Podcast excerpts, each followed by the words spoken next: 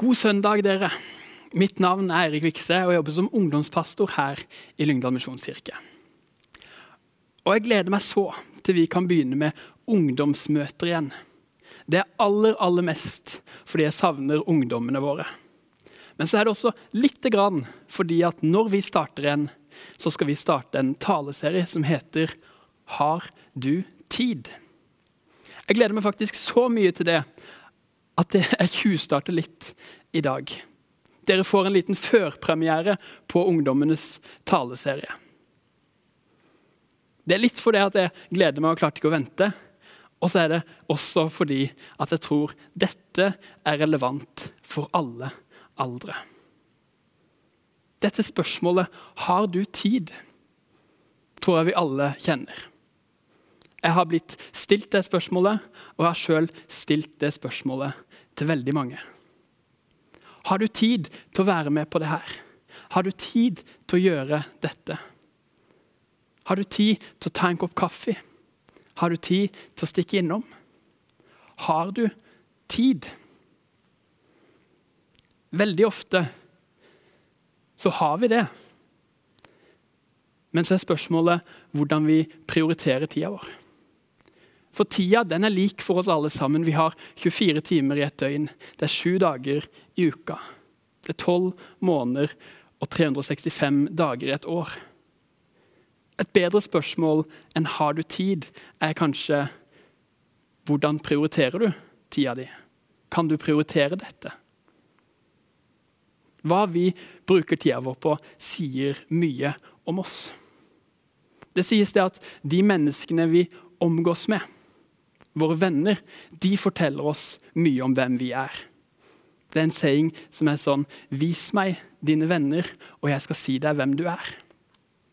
Denne har blitt dratt videre i ulike sammenhenger. Blant annet eh, så kan det gjelde økonomi.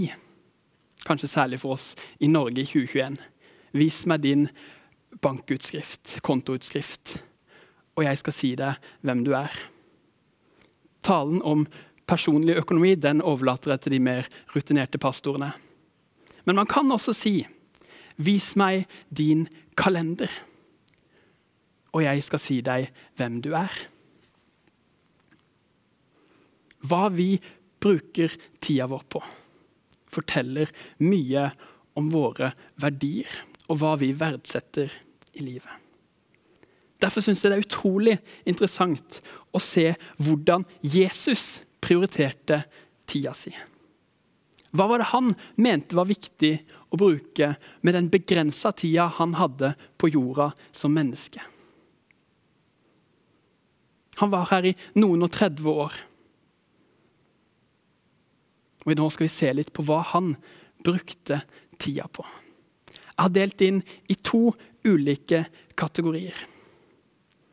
Den første kategorien den er kalt for tid til det nødvendige.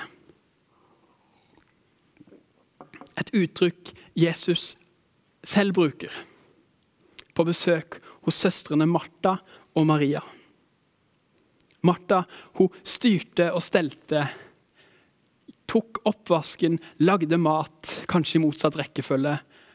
Hun gjorde husarbeidet, støvsugde, og alt det her gjorde Martha.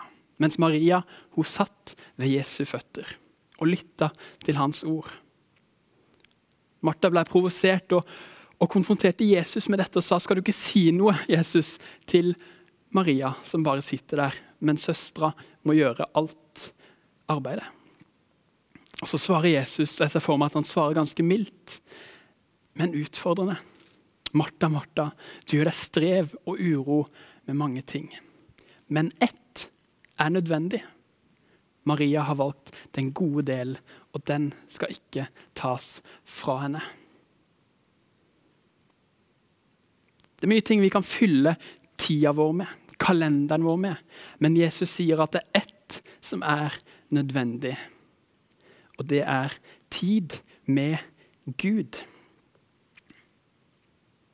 Jesus han forkynte dette til Martha og Maria. Han sa at dette er viktig. Og han levde det sjøl. Jesus han prioriterte tid med Gud. Det står det i Lukas 5, 16. Men selv trakk han seg ofte tilbake til øde steder og ba. Jesus, Guds sønn, trakk seg ofte tilbake til øde steder og ba. Jesus trengte å bruke tid med Gud. Det var helt, helt nødvendig for Jesus. Videre så har jeg to punkter til på det nødvendige. Og det at Jesus han brukte tid på å bare være. Vi vet mye om hva Jesus gjorde.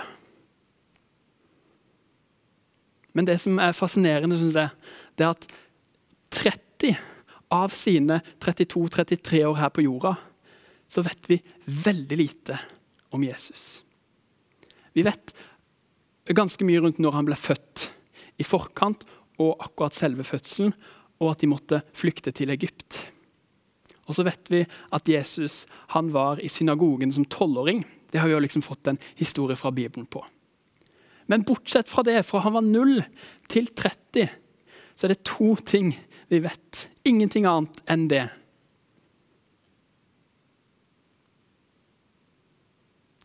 Lukas skriver i slutten av kapittel 2 i sin bok at Jesus gikk fram i alder og visdom. Han var til glede for Gud og mennesker. Og jeg tror at Hvis Jesus hadde gjort masse ting i den perioden, så hadde det blitt nedskrevet. Hvis Jesus hadde vært rundt og evangelisert, hvis Jesus hadde helbreda og utført mirakler, så hadde det blitt skrevet ned, så hadde vi visst om det i dag. Men vi vet veldig lite om Jesus fra 0 til 30. Og Jeg tror det er fordi Jesus prioriterte tid til å bare være Jesus. Ikke gjøre, men være. Og det tror jeg at vi òg trenger. Ikke at vi aldri skal gjøre noe, men at vi må ikke glemme å prioritere tid til å bare være. Videre så brukte Jesus Han prioriterte sin tid med sine nærmeste.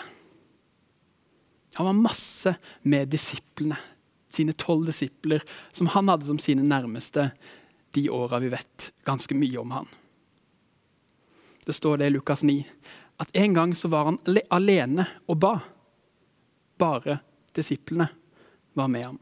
De fikk lov til å være med på det aller, aller meste. Av og til så hadde han med seg tre. Av og til hadde han med seg hele gjengen. Han brukte tid på sine nærmeste. Jeg vet ikke hvem du tenker på når jeg sier at du også burde prioritere tid på dine nærmeste. For min del så gjelder det familie og mine nærmeste venner. Det er mine nærmeste. Som jeg ønsker å prioritere tida mi sammen med. Som jeg ser på som nødvendig å bruke tid med. Det var Jesus sine tre helt, helt nødvendige prioriteringer. Som vi kan se både gjennom det han sier, og gjennom det han gjør. Men så har jeg en kategori til. I tillegg til tid til det nødvendige, så hadde Jesus tid til overs. Tenk det. Tenk så fantastisk jeg syns det høres så digg ut å liksom ha tid til det nødvendige og ha tid til overs. Jesus hadde virkelig det. I Lukas kapittel 19 står fortellingen om Sakkeus, en overtoller en synder. En som ikke veldig mange ville ha noe med å gjøre. Men Sakkeus hadde lyst til å se Jesus. Men han så ikke over folkemengden når Jesus kom forbi, så Sakkeus klatra opp i et morbærtre. Og når Jesus kommer forbi, så går han bort til treet, og det står da Jesus kom dit, så han opp og sa til ham, Sakkeus, skynd deg og kom ned for i dag må jeg ta inn hos deg. Jesus hadde tid til overs. Og det første punktet i den kategorien er at Jesus hadde tid til mennesker. Og da snakker jeg ikke om hans nærmeste. De han kanskje likte å bruke tid med. De han var lik. Men han hadde tid til alle mennesker. Vi har akkurat hørt at Jesus hadde tid til en toller, en synder, som Sakkeus. Og Noen av dere kjenner sikkert historiene om kvinnen ved brønnen, en samaritansk kvinne som hadde gjort mye dumt i livet sitt, som Jesus setter seg ned med og bruker tid med. Eller kvinnen som ble grepet i ekteskapsbrudd. Hun ble tatt på fersken i å være utro. Jesus han hadde tid til henne. Jeg synes også Det er interessant at Jesus han har tid til en mann som heter Nikodemus. I Johannes 3 leser vi at det var en mann som het Nikodemus. Han var fariser og en av jødenes rådsherrer. Han kom til Jesus om natten. Og Så fortsetter historien, og de får en god samtale. Nikodemus har noen spørsmål, og Jesus han har svaret. Jesus hadde tid til en fariser og en rådsherre. Han var ganske høyt oppe på rangstigen. Men han kom til Jesus med et ekte ønske om å lære og bli kjent med han. Og Jesus han tar seg tid, selv om det er midt på natten. Jesus han hadde tid til mennesker. Og så hadde han tid, og det her må vi ikke glemme, Jesus hadde tid til å kose seg. Bare la det synke inn. Jesus koste seg. De som ikke likte Jesus, de omtalte han som en storeter og vindrikker. Venn med tollere og syndere.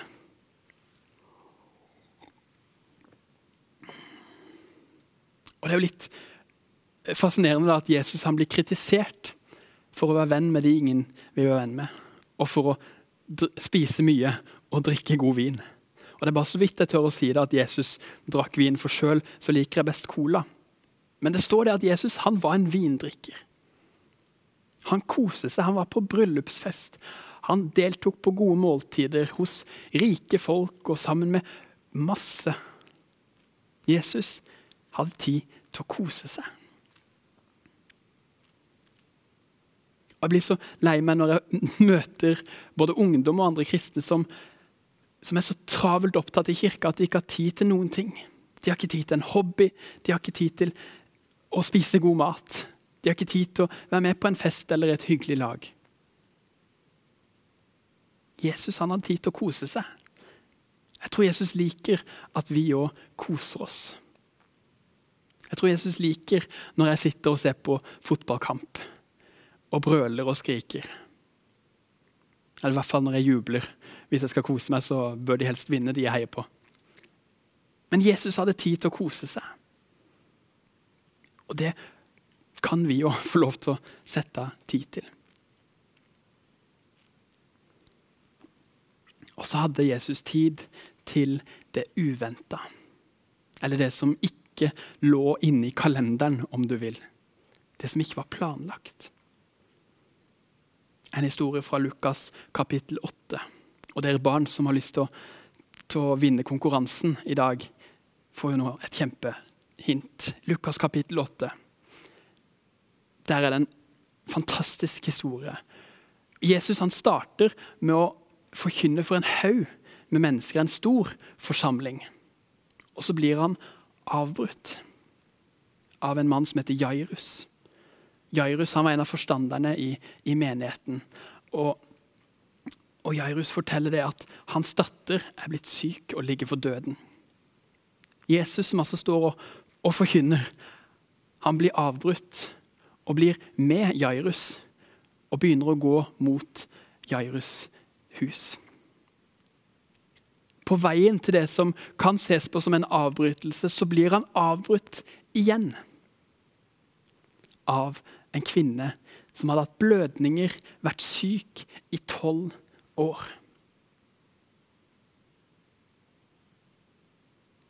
Denne kvinnen har hørt om Jesus ser Jesus gå forbi med en stor folkemengde og skjønner det at dette er min sjanse. Om jeg bare får rørt ved kappen hans, så kan jeg bli helbreda. Hun trenger seg fram, dytter seg vei og får rørt ved kappen til Jesus. Og Jesus som er på vei til den første avbrytelsen, han stopper opp og spør hvem rørte ved kappen min. Disiplene og de rundt ham kikker litt rart på Jesus, ser jeg for meg, og sier liksom at ja, men det er jo en haug med folk rundt deg, Jesus. Vi går i flokk her. Det er klart noen har kommet inntil kappen din. Men Jesus svarer nei, det var ikke sånn. Det var noen som virkelig rørte ved kappen min. For jeg kjente en kraft gå ut av meg. Det er da denne dama skjønte at det ikke kunne skjules, og hun kommer skjelvende fram. Mens alle så på, kastet hun seg ned for ham og fortalte hvorfor hun hadde rørt ved ham, og hvordan hun var blitt frisk med det samme. I en annen oversettelse så står det at hun kastet seg ned for ham og fortalte hele historien. Og jeg har tenkt på det. Hva, hva er hele historien? Er det liksom hele livshistorien til denne kvinna? Starter hun allerede i barndommen og ungdommen og forteller at hun har vært en frisk jente med framtidsplaner og håp. Kanskje forteller hun at hun fant seg tidlig en mann, og gifta seg. Kanskje fikk de barn. Og Alt var ganske bra helt til disse blødningene begynte å komme, helt til denne dama ble syk. Jeg ser for meg at hun forteller om alt hun har prøvd.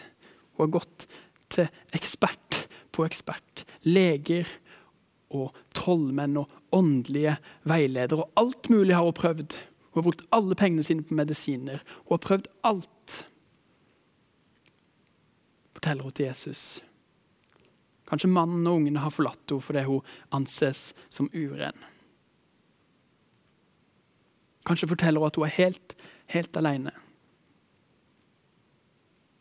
Hun forteller hele historien. Og Jesus står og lytter. Og han avslutter samtalen med 'Din tro har frelst deg, datter'. Jesus han hadde tid til å bli avbrutt. Tid til det uventede. Først blir han avbrutt mens han står og taler. Så blir han avbrutt på vei til denne første avbrytelsen. Og han har tid. For her var det en kvinne som virkelig trengte han. Og Jesus går så videre til Jairus hus, og dattera blir helbreda. Har du tid? Nå vet vi litt hva Jesus prioriterte tida si på. Hva Jesus brukte tida si på. Og Hvis du er som meg, så syns du det er vanskelig å klare å prioritere alt dette. For jeg har en del ting på det nødvendige, ting som jeg må gjøre. Ting som tar tid. Og så har jeg faktisk også en del ting på den til overs-kategorien som jeg har lyst til å gjøre, men som jeg ikke alltid får tid til. Og Jeg skal prøve å vise nå med et enkelt eksperiment hvordan vi forhåpentligvis kan bli bedre til å prioritere tida vår.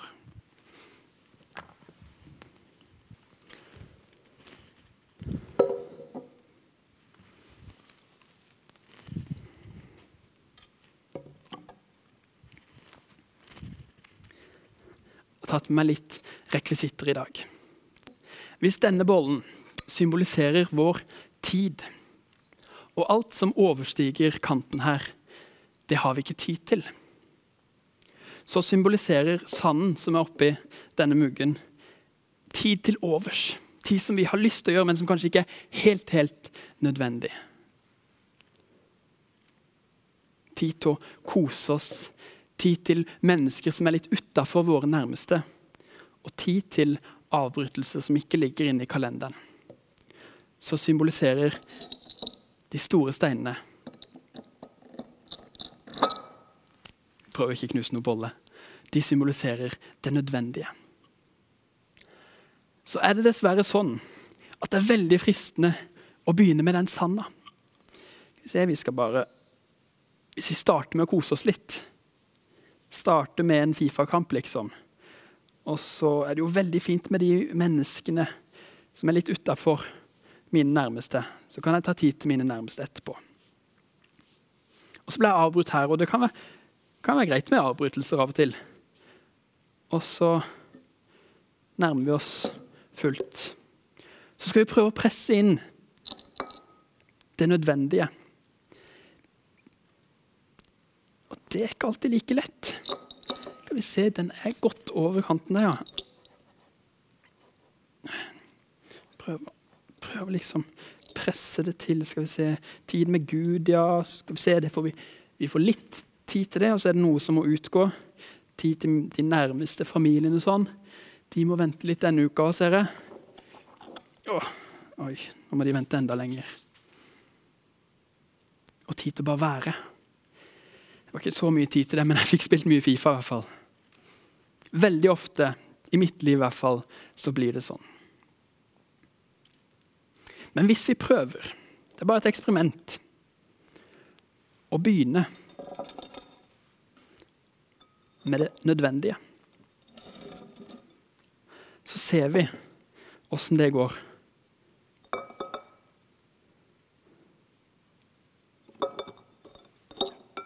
Se, der har vi fått plass. Ja, plass til alt det nødvendige. Så skal vi se, da. Om vi har tid til noe ekstra. Har vi noe tid til overs? Ganske grei tid til overs. Skal vi se, Der ble vi avbrutt litt, men det gjør ikke noe, for vi har liksom fått gjort det viktigste, det nødvendige. Og så kom det noen mennesker som jeg egentlig ikke kjenner så veldig godt og trengte meg, men det går bra, for jeg har brukt masse tid med de eh, som er helt nødvendige for meg å bruke tid med. Og så ja, hadde vi litt tid til hobbyer og kos og sånn. Og så er det sånn Se at akkurat den samme sandmengden Hvis vi bare rister litt, så får vi plass til den. Og veldig, veldig ofte så får vi også plass til et glass cola og en god fotballkamp.